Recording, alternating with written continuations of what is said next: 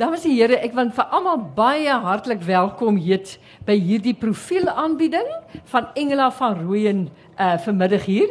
Dit is vir ons waarlik 'n enorme voorreg om vir haar hier te hê.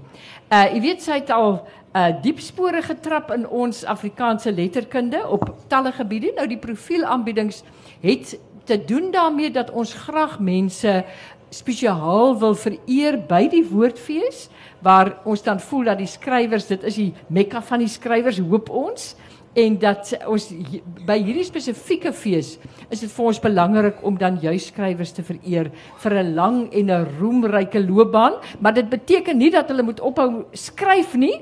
Dit, dit beteken ook nie dat ons dink hulle is uitgeskryf, hulle is klaar geskryf nie. Ons dink net dat dit 'n skrywers is wat 'n groot bydrae gelewer het tot die Afrikaanse letterkunde en daarvoor sê ons dan vir hulle baie baie dankie.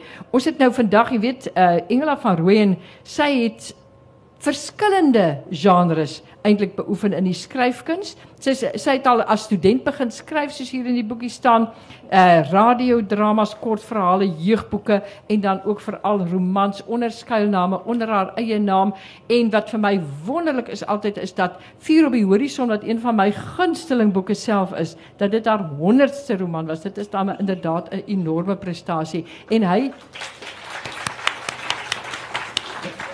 En dit is ook onlangs weer herdruk en uh, wat wys dat daardie boek hoe geweldig gewild daardie boek is. Ek het is 'n roman wat ek self met my studente, die derdejaars studente uh behandel het en wat mense agterkom net dat uh dit is 'n boek met soveel keerkante, met so diepgang, uh merkwaardige karakterisering, die manier wat sy daardie hele verhaal aandien en uh die storie vertel van daardie as uh ek het dit bespreek spesifiek as 'n Anglo-Boereoorlogroman. So baie baie dankie vir al die wonderlike werk in Afrikaans. Ons gaan begin met uh Dani Botha. Hy gaan die eerste gedeelte is hy vir verantwoordelik en dan Linda Rode vir die tweede gedeelte.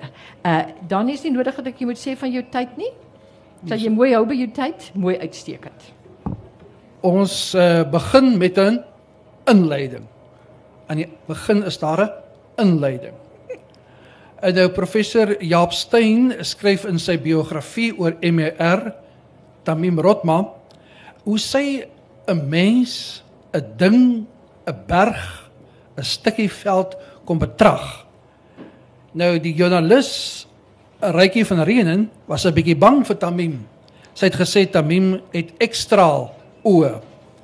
Nou Alba Bouwer het haar toe gerusgestel en gesê: "Tamim kyk na jou asof sy vra: Wie het ek voor my?" Sy kyk jou aan met skierigheid, met skerpsinnigheid en sy met begrip en bovenal met mededoe. Nou dis wat ek en ek glo Linda uh, Rode ook gaan in ons paar minute dit doen.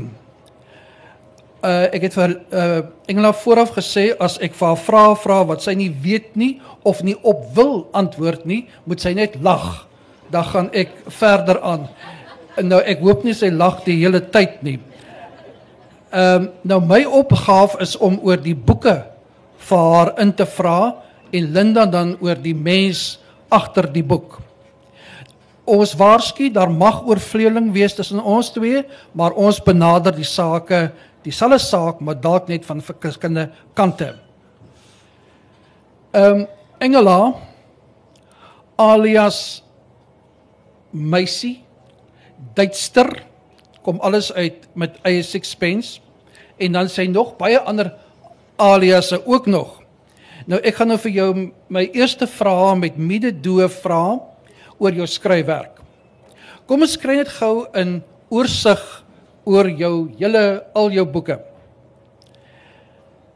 Nou die eerste ding wat ek met die navorsing vir vanmiddag se onderhoud uitgevind het, is die geweldige of kom ons sê dit nog mooier, die groot aantal boeke en ook die verskeidenheid genres wat Engela geskryf het. Ek het deur Erika Terblaan se se ATKV skrywersprofiele op Litnet gekyk en gesien hoeveel boeke het jy nie al gepubliseer nie. Uh jy gebruik sover ek weet 4 skrywersname. Maar voor ek daarby uitkom, ehm um, ek wil net vir jou vra word party van jou boeke nie on uh weer uitgegee maar dan onder 'n ander naam nie.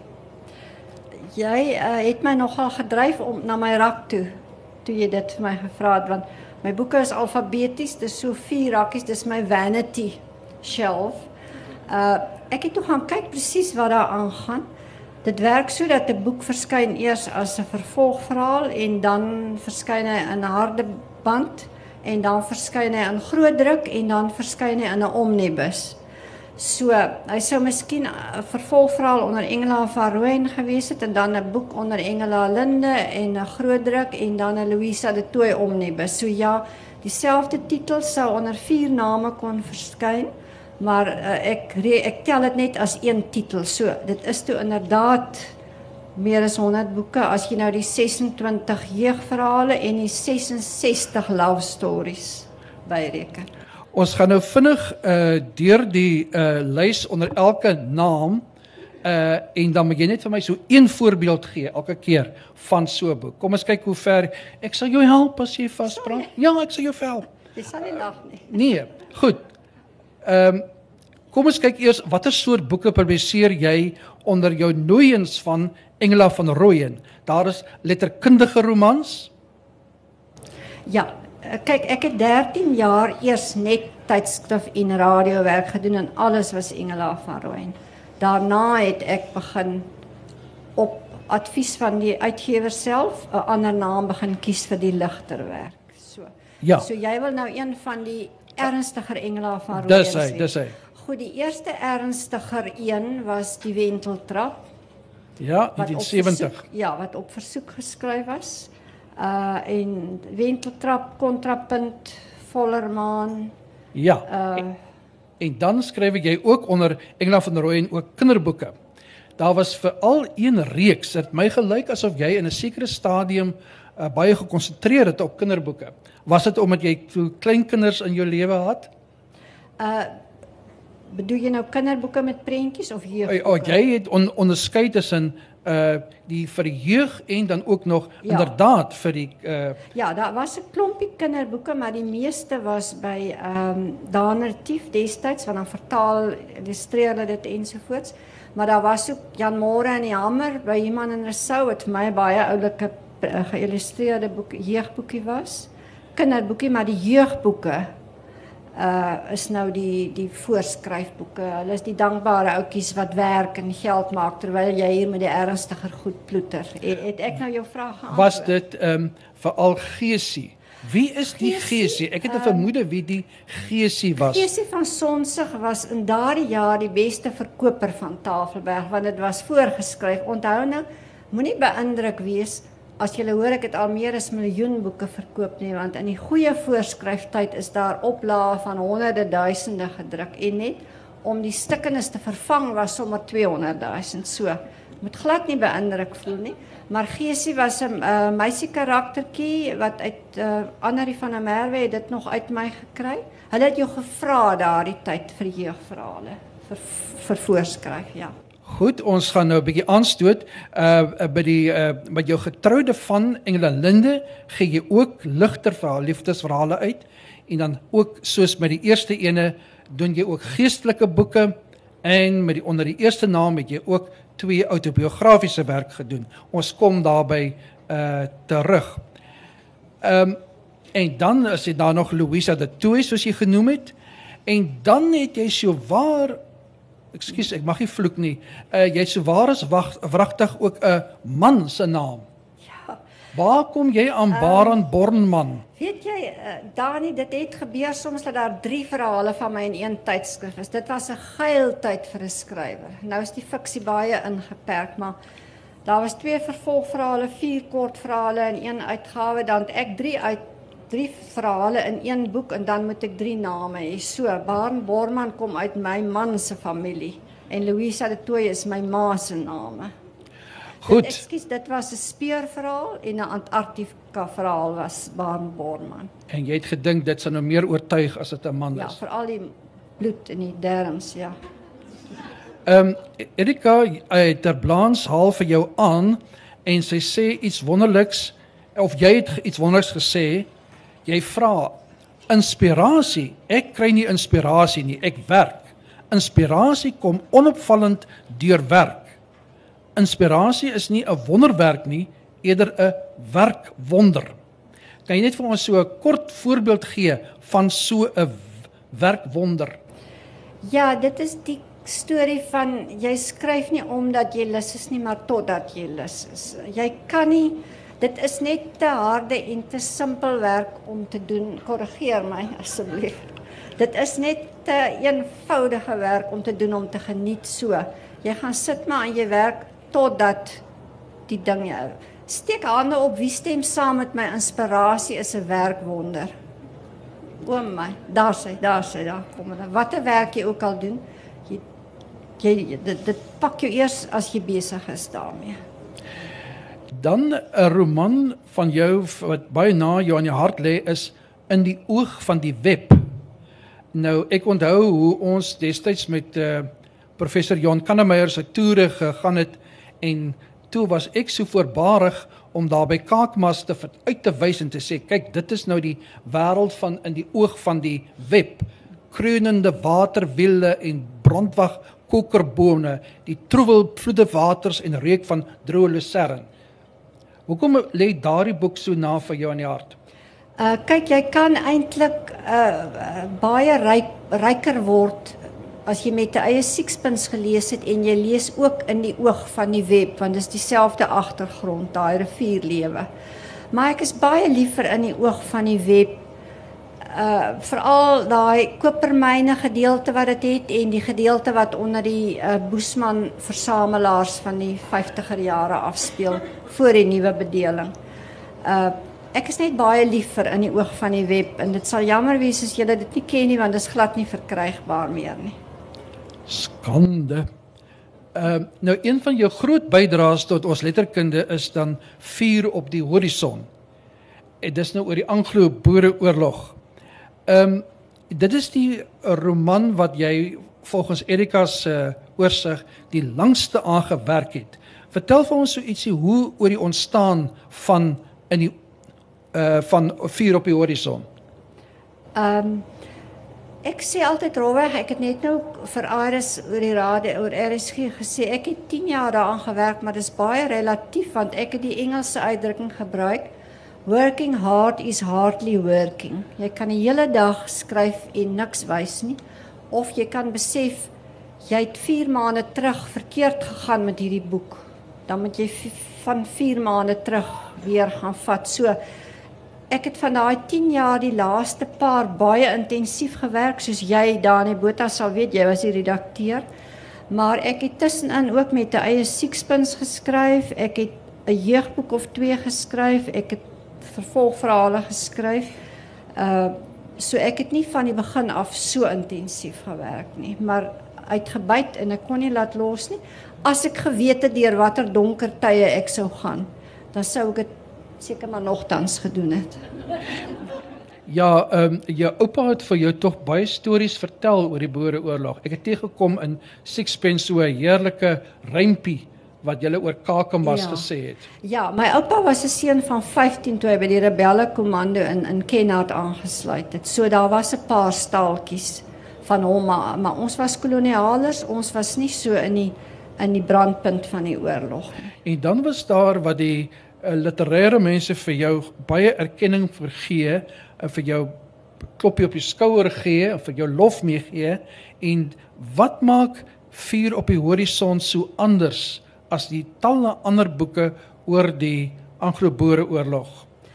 Ek dink hoofsaaklik twee dinge. Ek het besluit vooraf, ek gaan objektief wees. Ek gaan die die Britte se kant ook beskou. Daar gaan nie goodies en baddies wees behalwe uit die, as jy ek met 'n boere karakter werk, dan kon daar perspektief gewees het of met die Britse karakter, maar ek sou nie as verteller die die skrywer manipuleer nie. Daar was helde aan aan albei kante en daar was boewe aan albei kante.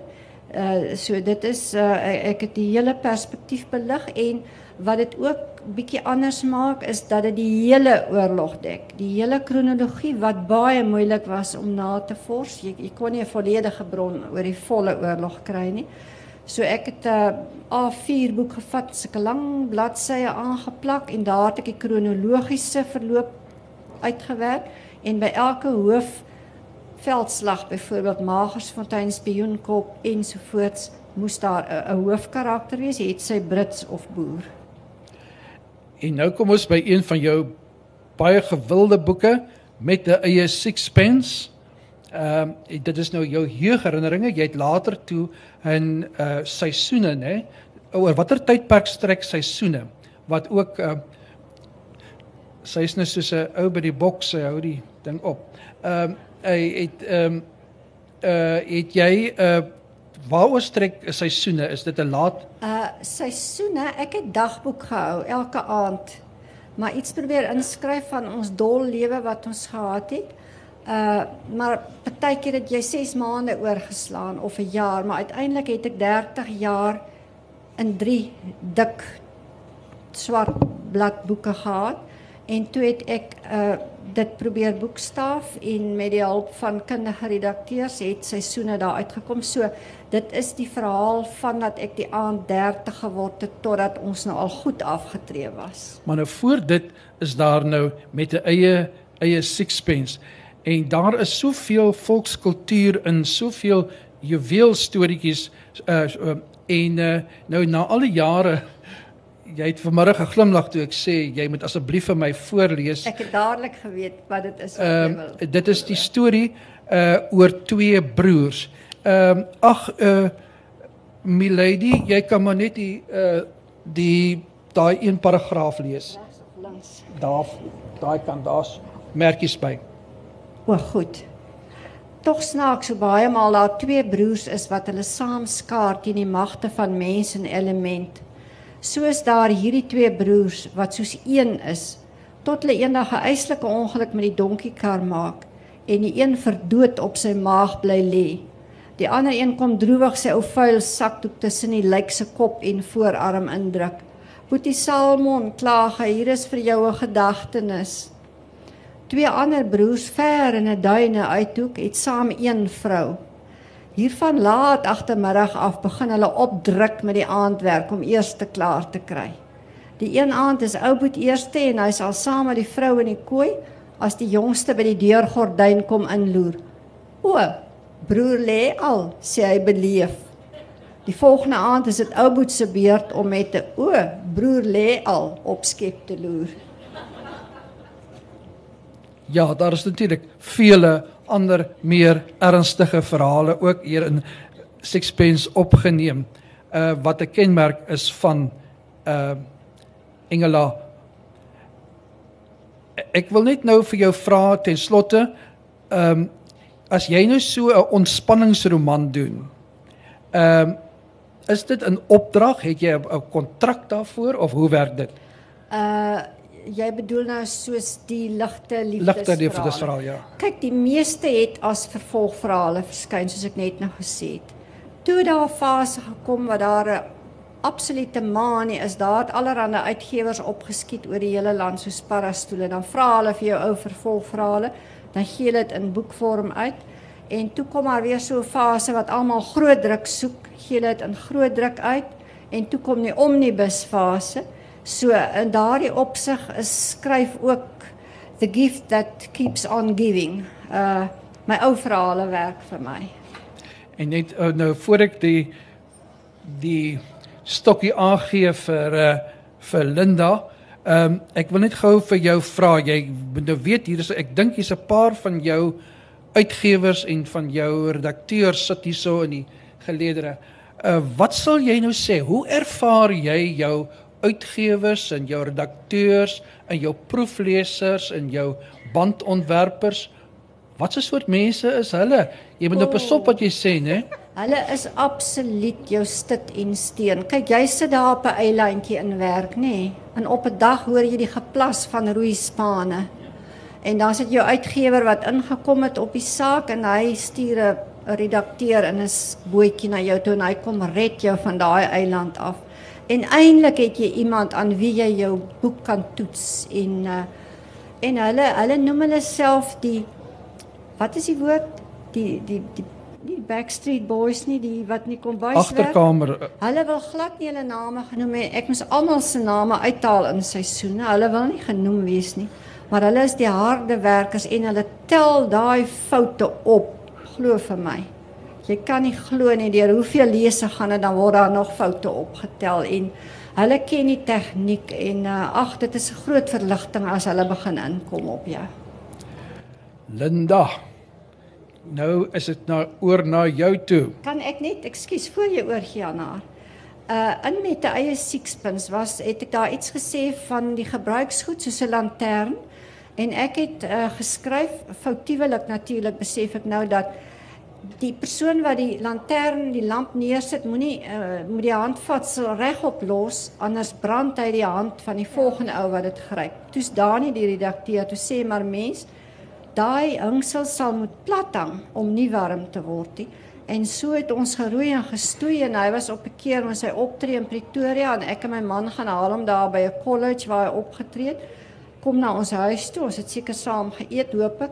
En so en so en toe het ek 'n lantern daar. Ons steek hom op en nou toe werk ons presies uit hoe dit moet wees. Dan Hulle ja, is deeglike mense. ja, ek moet net waarsku, dit is maar 'n veilige vragie wat ek vir haar gevra het. Ek het al baie meer ander snaakse vrae vir Rihanna Skeepers gevra. Goed, oor na jou. Engela, voor ek jou begin uh, vra, daar die klein Karoo het ons gesê as jy iemand nou regtig ondervra, jy vra hom in. Uh, vra, nie in vra nie. Het ek presies 1 minuut nodig om om om jou jeugwêreld wat jy so wonderlik beskryf in met 'n eie sixpence daarom net ook nog aan die gehoor uh, voor te hou behalwe wat Dani en jy nou al reeds vir hulle gegee het. Dit is die aanvang van met 'n eie sixpence. In my klein tyd weet ek van groot rivier wat ruis deur bo waar die vagelrande doodloop teen die blou berg. Word jy in die nag wakker, hoor jy die geruis en jy raak weer houtgerus aan die slaap. Ek weet van die groot voor met sy walle vol skerp ruikende ballerjak. Met sy troebelwater wat ons lewe is, maar dat jy moet oppas vir inval. Ek weet van die groot blou klippe waar tussen ons so lekker speel en van die son. Een groot stuk son, 'n vuurige bol wat laag bo die kliprande en die erf en die rivier hang. Van die kameelbome aan weerskante van die duinepad as ons vir pa kos wegbring binne erf toe. Nou maak jy my baie weemoedig. Ja, dit, dit is so, dit is pragtig ja. en dit is verby, né? Ja. Goed. In watter mate het nou hierdie groot word jare van jou neerslag gevind in jou skryfwerk? Kan 'n mens nou kan ons nou maar aanneem dat die landelike daardie naby wees aan ander mense, so so 'n ander soort van naby wees as wat ons in die stad ervaar. Die intieme saamleef met, met met die mense in jou omgewing. Het dit jou temas en veral jou eie soortige idiomatiese woordgebruik beïnvloed? Uh kan ek met die laaste eerste begin? Ja. Woordgebruik uh, is mens versigtig want daar is 'n sens sal baie gou sê sy gebruik oudtydse woorde as jy byvoorbeeld van 'n noontjie praat of so. So ek moet baie goed redigeer as ek die omnib die ou verhale reg kry vir omnibus so uh, behalwe as ek nou 'n streeks ding geskryf het, is ek maar versigtig, maar daar's iets wat ek nie prys gee nie en dis my sagte gee. Om Gert vergeetlikheid gee gee gee vir Hilbrau. Ek meen, is hier 'n Gert in die gehoor? Is hier 'n Gert? Kan ek net sien? Ek kan nou nie die gehoor mooi sien nie. Dis nou baie sleg vir my. Maar Gert is mos nou nie so mooi soos Gert nie. Nee, dit gee ek nie prys nie. Ek gee dit nie prys nie. Nee, ek seker van jou hoef. En dan het jy nou gevra uh, in hoe mate het seker dan nou die die landskap en die Ja, Ehm, en hoe maar familiales- kom in jou temas. Ja. Ek dink in die begin in my vervolgverhale baie sterk want dit was nog die tyd van die gemoedelike lokale realisme soos die akademici sê die GLR, nee. Platteland en plaas. Nou dit moet ek nou ook al verskriklik probeer verander as ek daai ou verhale wat 40 jaar oud is. Jy kan jy het nou nie meer plaas en platteland nie. Jy het nie meer boere noontjies uh wat nie so modern is soos die stadsusters nie so uh, ek kan nie meer daarop terugval nie, maar ek dink kyk soos byvoorbeeld met die skryf van Vuur by Horison was dit vir my geweldig belangrik dat 'n groot deel van die navorsing hoef ek nie te gedoen het nie want ek het groot geword met 'n perdekar met lanterns met uh, soos my boere mense in Vuur by Horison. Maar ek dink wat neerslag gevind het in my is daai Goed, ons was 'n groot gesin op 'n klein woelige besproeiingserf soos ons dit genoem het. Dis 'n klompie morg. Uh 'n baie baie besige muurneslewe. Dit pos en dit saag en dit klop heeldag. Maar daai groot oorkoepelende stilte het so in jou vasgeskop. Ek dink daar sal altyd hierdie groot innerlike stilte in 'n boerling van daardie wêreld wees en dit word jou swaartepunt in 'n remoerige lewe. Dan antwoord dit jou vraag. vir jou. Ja, vir ek wil net sê ja, ek het een aand as 'n dogtertjie, jy kon so pyns en jy kon onderryp filosofie skep en so voorts. Het ek op ons ou kaal bar stoepie gesit. Ons het so 'n sementhuisie gehad wat generaal Janie Smit het 50 pond gegee vir die pioniers om huisies te bou, almal uit eners met plat sinkdakkies waaronder ons amper vergaan het. Ek weet nie hoekom my pa nie net kon riet op die dak sit nie. Dit is maar 'n lojaliteit aan leiding wat daai mense het. Uh maar ek het gesit op daai stoepie en daar was geen misterie in daai vier vertrekke huisie nie. En skielik begin sweep daar. Sweep, sweep, sweep vleermuise onder daai plat dakkie uiteindeloos wat ek nooit geweet het wat daar bly nie. Dit was my een van die grootste misteries van my kinderjare. Dankie Engela. Nou net gou-gou wil ek by jou hoor, wanneer het jy die eerste keer geweet jy wil skryf? Jy wil skryf om te skryf. Uh ek het vandag die uitdrukking gebruik en uh, ja, enige een kan my reghelp as ek verkeerd is dat NP van Wyk Lou dit gesê het want ek weet hier sit deurligtige mense hier in die gehoor en aan weerskante van my maar ek dink dis NP van Wyk Lou wat gesê het as jy 'n skrywer is sal dit soos 'n slang by jou uitseil. So ek dink dit het maar so uitgeseil. Ek dink dit was in die gene ook as ek kyk hoeveel boekies my ma op my versoek vol geskryf het. Sy het nog gelewe die dag toe uh die proewe van van Sixpence ingaan toe sy gesterf. So. Sy kon nog daai boekies vir my vol skryf en ek kon dit net so oorvat en en net so en my pa hulle was die vertellers. Hulle was die aardsvertellers. Ek het kaas en botter gemaak van die room wat hulle opgegaar het. Ehm um, hier is iets wat aansluit Dani by jou vraag aan haar oor inspirasie en oor werkwonder, maar ek wil dit tog nog stel. My vraag is wat is daardie ek noem dit nou maar 'n vuur in jou lewe wat jou so ongelooflik produktief maak? My vraag is eintlik wat jou laat bly skryf. Nie net skryf nie, maar wat jou laat bly skryf selfs onder die moeilikste omstandighede soos in die tyd toe jy byvoorbeeld in die jare toe jy ehm um, uh Predikant. ja, jou jou En 'n ma uh, van roman moes 4. skryf. Ja. Ja.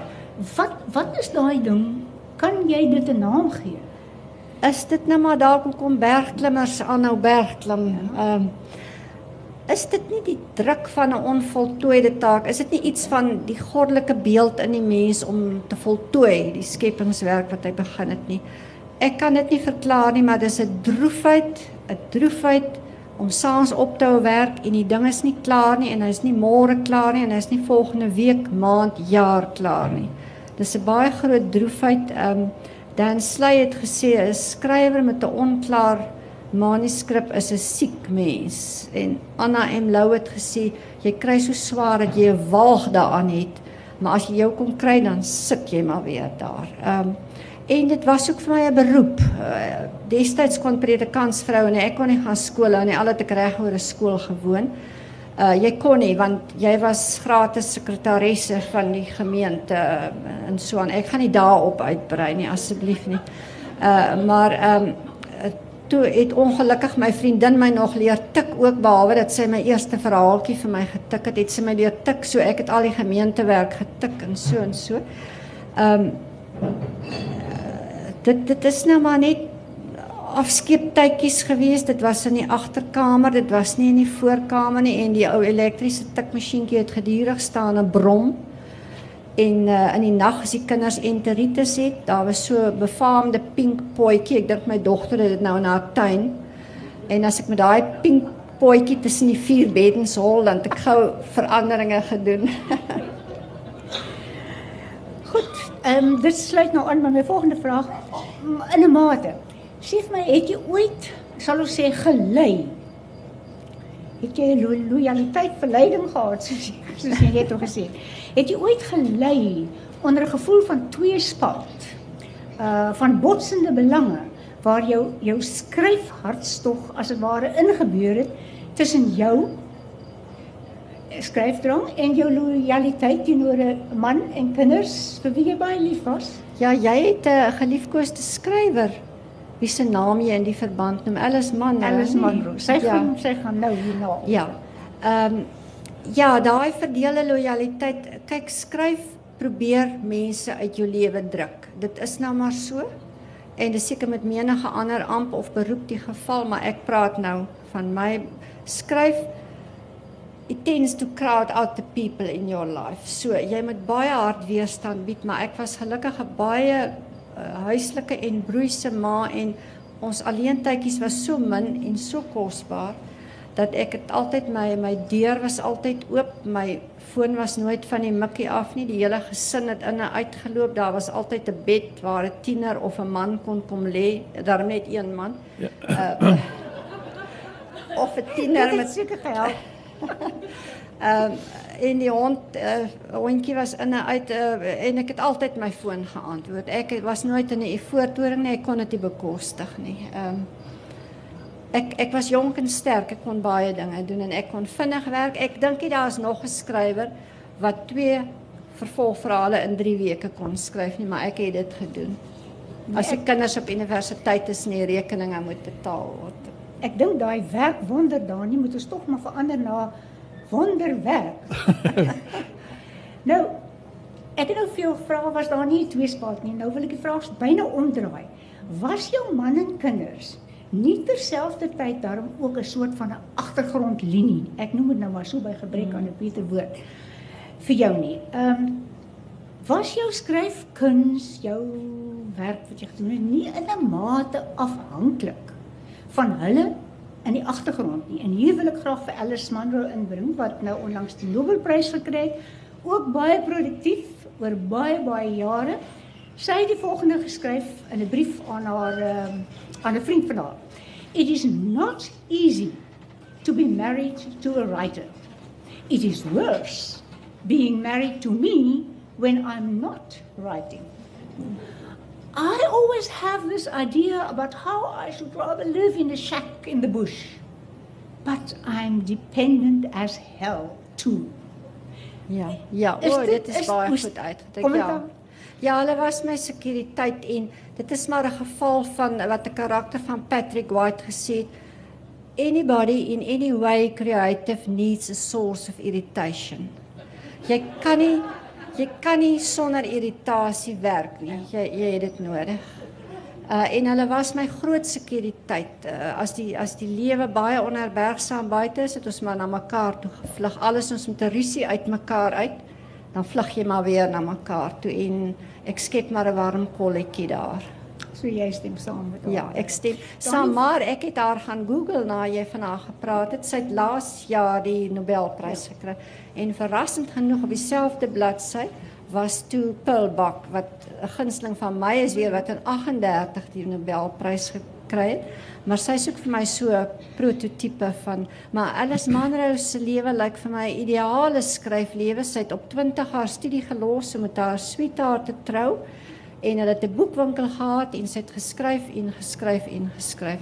dit is die lewe wat ek begeer het maar nooit gehad het nie, maar jy kan nie altyd alles kry nie.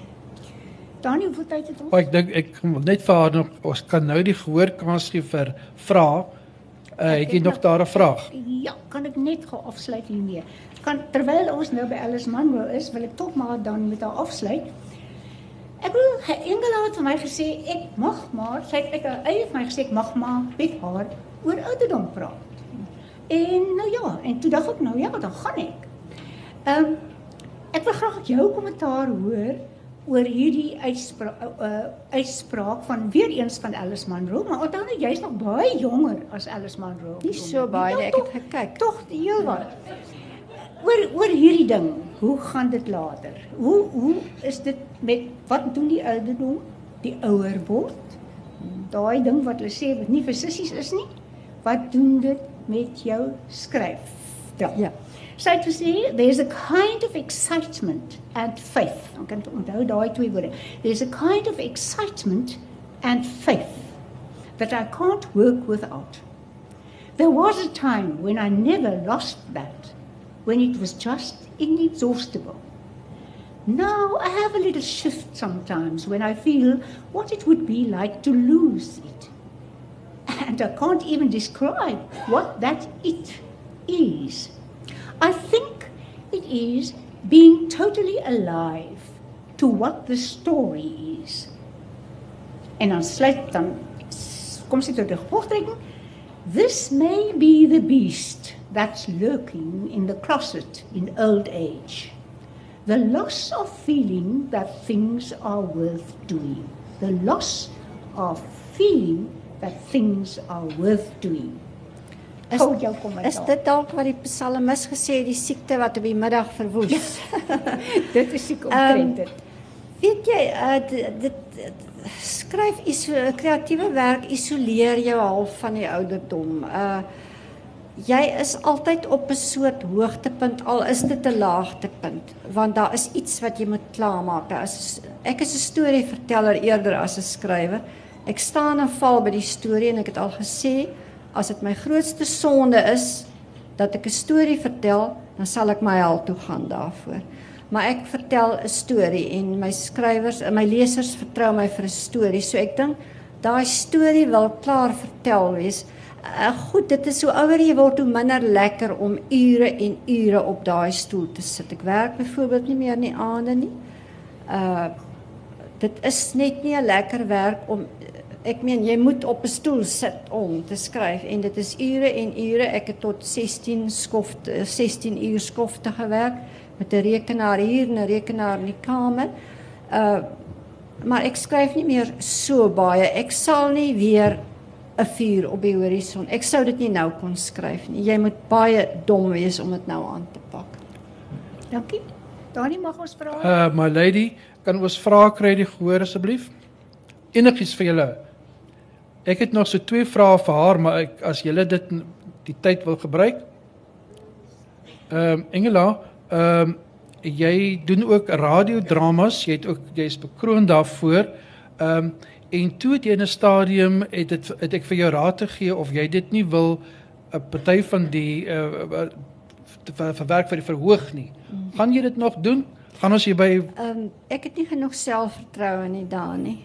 Ehm um, verhoogwerk is vir my baie gesofistikeerd. Nie dat 'n radiodrama nie gesofistikeerd is nie, maar ek het nie die selfvertroue nie. As ek nou kyk na kundiges soos jy oor die teater, goed, ek sal toestemming gee as iemand dit wil verwerk.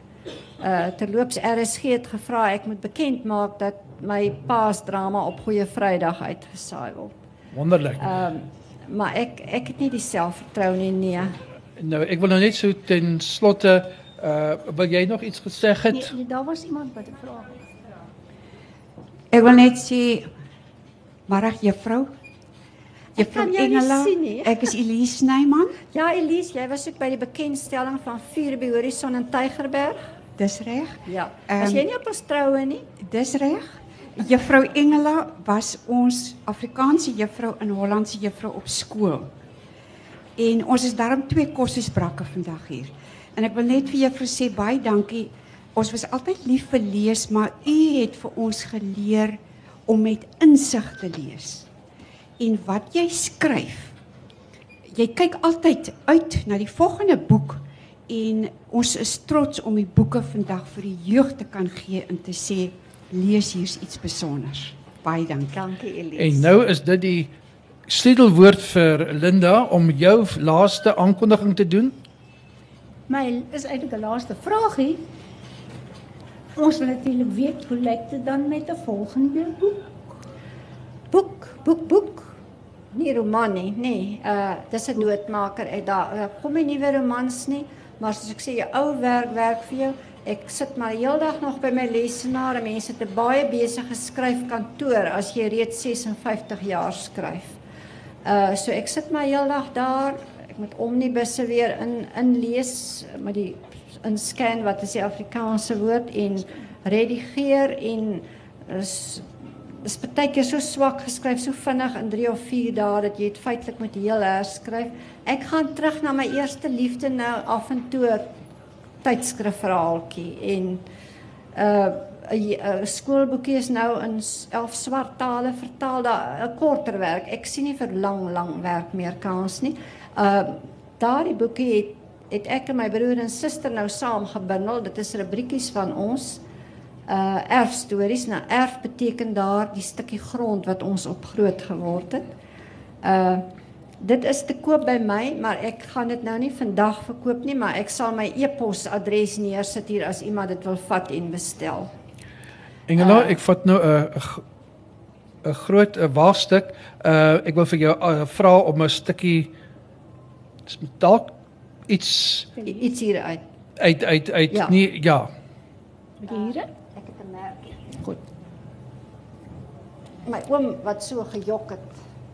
Uh maar kyk, uh jy moenie jy kan nie um 'n groot liegpersoon vergelyk met Jan Kolone hoenderdief nie. 'n Groot liegpersoon is 'n kunstenaar in eie reg en jy beseer nie sy Achilleshiel nie. Jy jy sal nooit vir hom sê maar nou jok jy mos nie. So het my oom vertel ons noem hom maar om Jack uit 'n ander naam gehad, maar hy vertel uh hy het een toe hy klein was een keer met sy sussie beklei en uh, sy pa het hom met die sekoesabok in die huis vasgekeer. Ah, her is nog toe swaartjie, ek lieg nie vir jou nie. Ek is so taai. Elke keer as my pa my slaan, ruk die sambok se punt 'n stuk pleistering van die muur af, maar ek staan en ek sê, "Aa, slaan pa, slaan." Aa, later gooi my pa die sambok neer en hy sê, "Aa, her is nog toe jekkie, maar jy so taai soos 'n rateltjie pad voor my oë." Teen daardie tyd was die mure kaal geslaan. Die volgende dag bring sy pa 'n emmer pleistering en beveel hom om die skade te herstel. Aeras nog toe swaartjie, ek lieg nou nie vir jou nie. Daar net een stuk pleistering bly sit in die vorm van 'n mens se lyf. Goed, as daar 'n uh, vraag is dan verdaag ons nou. Baie dankie.